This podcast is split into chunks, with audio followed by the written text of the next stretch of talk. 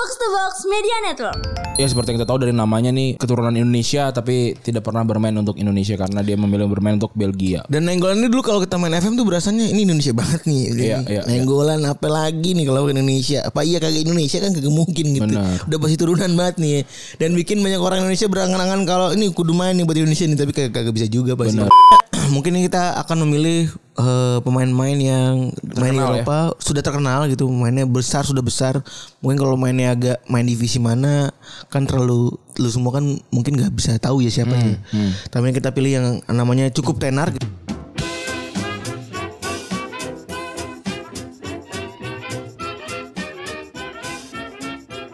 Podcast Retropus episode ke-407 masih bersama double pivot andalan Anda Gorandi. Dan gua Febri. Hari Rabu harinya kita ngelis dan hari ini kita akan ngelis berdasarkan seseorang nih yang namanya Raja Nenggolan yang berulang tahun di tanggal 4 Mei 1988. Ya seperti yang kita tahu dari namanya nih keturunan Indonesia tapi tidak pernah bermain untuk Indonesia karena dia memilih bermain untuk Belgia. Dan nenggolan ini dulu kalau kita main FM tuh berasanya ini Indonesia banget nih. Iya, iya, nenggolan apa lagi nih kalau Indonesia? Apa iya kagak Indonesia kan kagak mungkin gitu. Benar. Udah pasti turunan banget nih.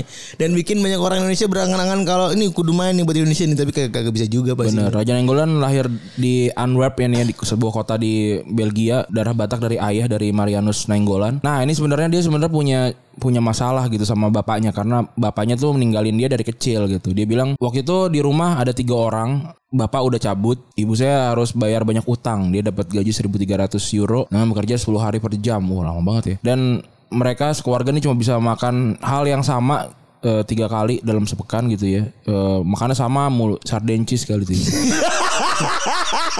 gue baru denger lagi kata sardenjus anjing. Tahu lu gue tawa dulu. Lucu banget. Kecil gitu kan potongannya. Ada tomatnya dikit.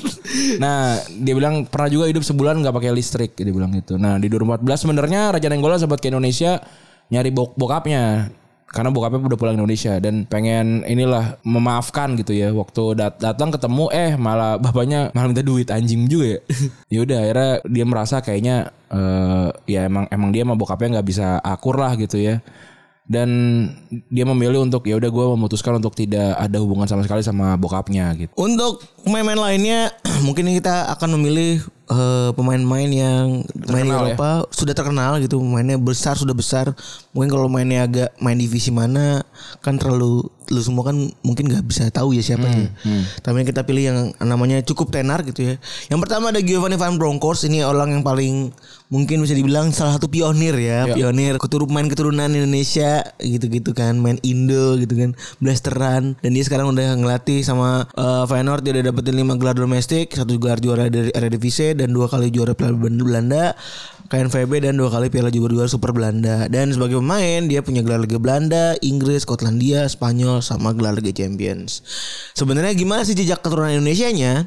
Jadi waktu tahun 2013 Van Bronckhorst cerita dan jadi begitu banyak perhatian karena dia itu tanda kutip pulang ke Indonesia kan waktu itu Belanda lawan Indonesia tuh ya mainnya. Kalau diketahui dari banyak media, Van Bronckhorst ini punya darah Maluku dari ibunya yang bermarga Sapu Tele. hmm. Capulete Sapulete. Dalam jumpa persnya waktu itu dia ngaku bisa bahasa Indonesia sedikit doang. Dan dia juga menyukai makanan khas Indonesia yang telah bayangin semenjak tiba di Jakarta waktu itu. Katanya namanya ke- sate sama gado-gado makanannya. Selain itu dia juga sebenarnya diceritain kalau dia tuh suka sama rendang waktu itu. Nyatanya dan standar banget ya? Nyatanya dan Kalau kalau dia suka sama yang gaji, yang aneh seblak gitu. Mungkin akan jadi berita ya. kunyit Iya. Nyatanya, Pamungkas tuh nggak pernah sekalipun nginjak kakinya ke Maluku. Termasuk pas lagi kemarin pas lagi dia main tuh friendly match ke Indonesia waktu itu ya. Dan ternyata setelah kulik lebih jauh, si Van Bronckhorst ini anaknya dari ayah keturunan Indonesia nama nama bapaknya Victor Van Bronckhorst dan ibunya namanya Francien Sapulete. Wah ini bener tuh udah clear nih. Ibunya namanya Sapulete. Asal dari Maluku Tengah Saparua. Dan lebih jauh lagi, nenek dan garis ayah dari garis ayahnya bernama Manuhutu. Wah, lokal dia bener ya. Dan sementara nenek dari garis ibunya punya marga Lili Pali. Oke. Jadi gara-gara itu Giovanni Van Bronckhorst masih bisa make bahasa Indonesia dengan logat timur meski cuma dikit doang. Gitu. Ini cukup menarik ceritanya. Iya. Selanjutnya ada Emil Audiero Mul- Mulyadi ya sama kayak Nenggolan. Ini nama Mulyadi Indonesia banget sama BapakEux nih juga. Dan eh, terkenal karena juga belak- belakangan kemarin sempat nolak ini ya, nolak main di apa? Main di untuk timnas Indonesia ya. Betul. Dan sekarang main di Sampdoria setelah dulu dia adalah seorang eh, pemain eh, juniornya apa namanya Juventus ya itu ya. Terus si Emil ini sendiri lahir di Indonesia, tepatnya di kota Mataram, NTB. Jadi memang dia bornnya di Indonesia. Terus orang tuanya campuran. Eh, apa namanya emaknya bapaknya dari Indonesia dan emaknya orang Itali. Tapi meski lahir di Indonesia, Emil cuma hidup satu tahun doang di Indonesia. Jadi kayak mungkin bayangan lu kayak ini ya kayak eh, lu dibawa pulang kampung pas lagi lu lahir doang tuh. Ada kan tuh lu ke mana tuh ke Medan gitu misalnya. Dan dibawa pulang juga dan Benar. dan dia lahir tahun 97 dan dia balik ke Jakarta tahun 98. Memang dia berapa kali balik ke balik kampung ke Mataram gitu ya. Itu buat ketemu sama ayahnya dan dia sering banget pulang ke Indonesia.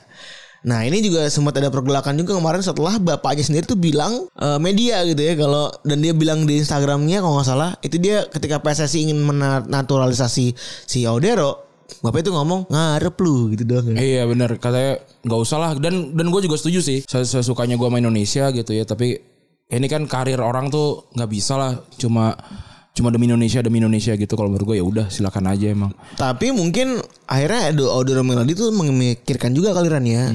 Di Itali gue udah ada Donnarumma, udah ada siapa dan lain-lain. Kayaknya gue nggak punya kans gitu ya.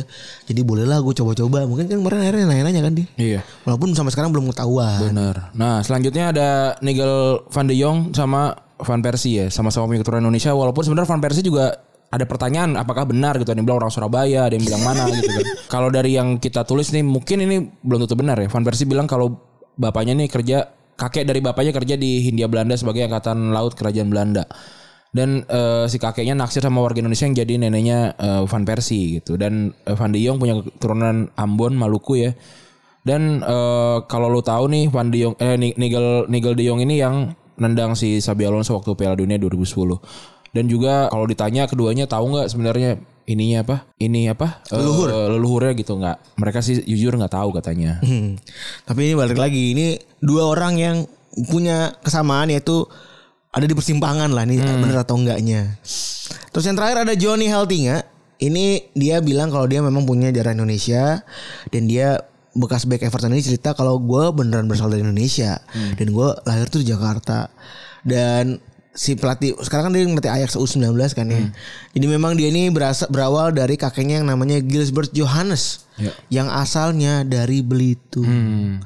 Jadi tahun 50-an keluarga besar Heltinga, Heitinga itu pindah ke Belanda dan akhirnya di sana semua. Dan mereka dia cerita kalau misalnya kami enam bersaudara semuanya laki-laki, empat lahir Jakarta dan dua di Belanda. iya Kami pindah Belanda tahun 59 kata Oke. kakeknya. Dan masih banyak lagi tentu saja ini kita cuma masukin nama-nama nama-nama yang sangat terkenal gitu. Kalau emang pe- pengen ngasih tambahan langsung aja nanti langsung ditulis di Kolom komentar. komentar. Oke, gua Randy cabut. Gua Firly cabut. Bye.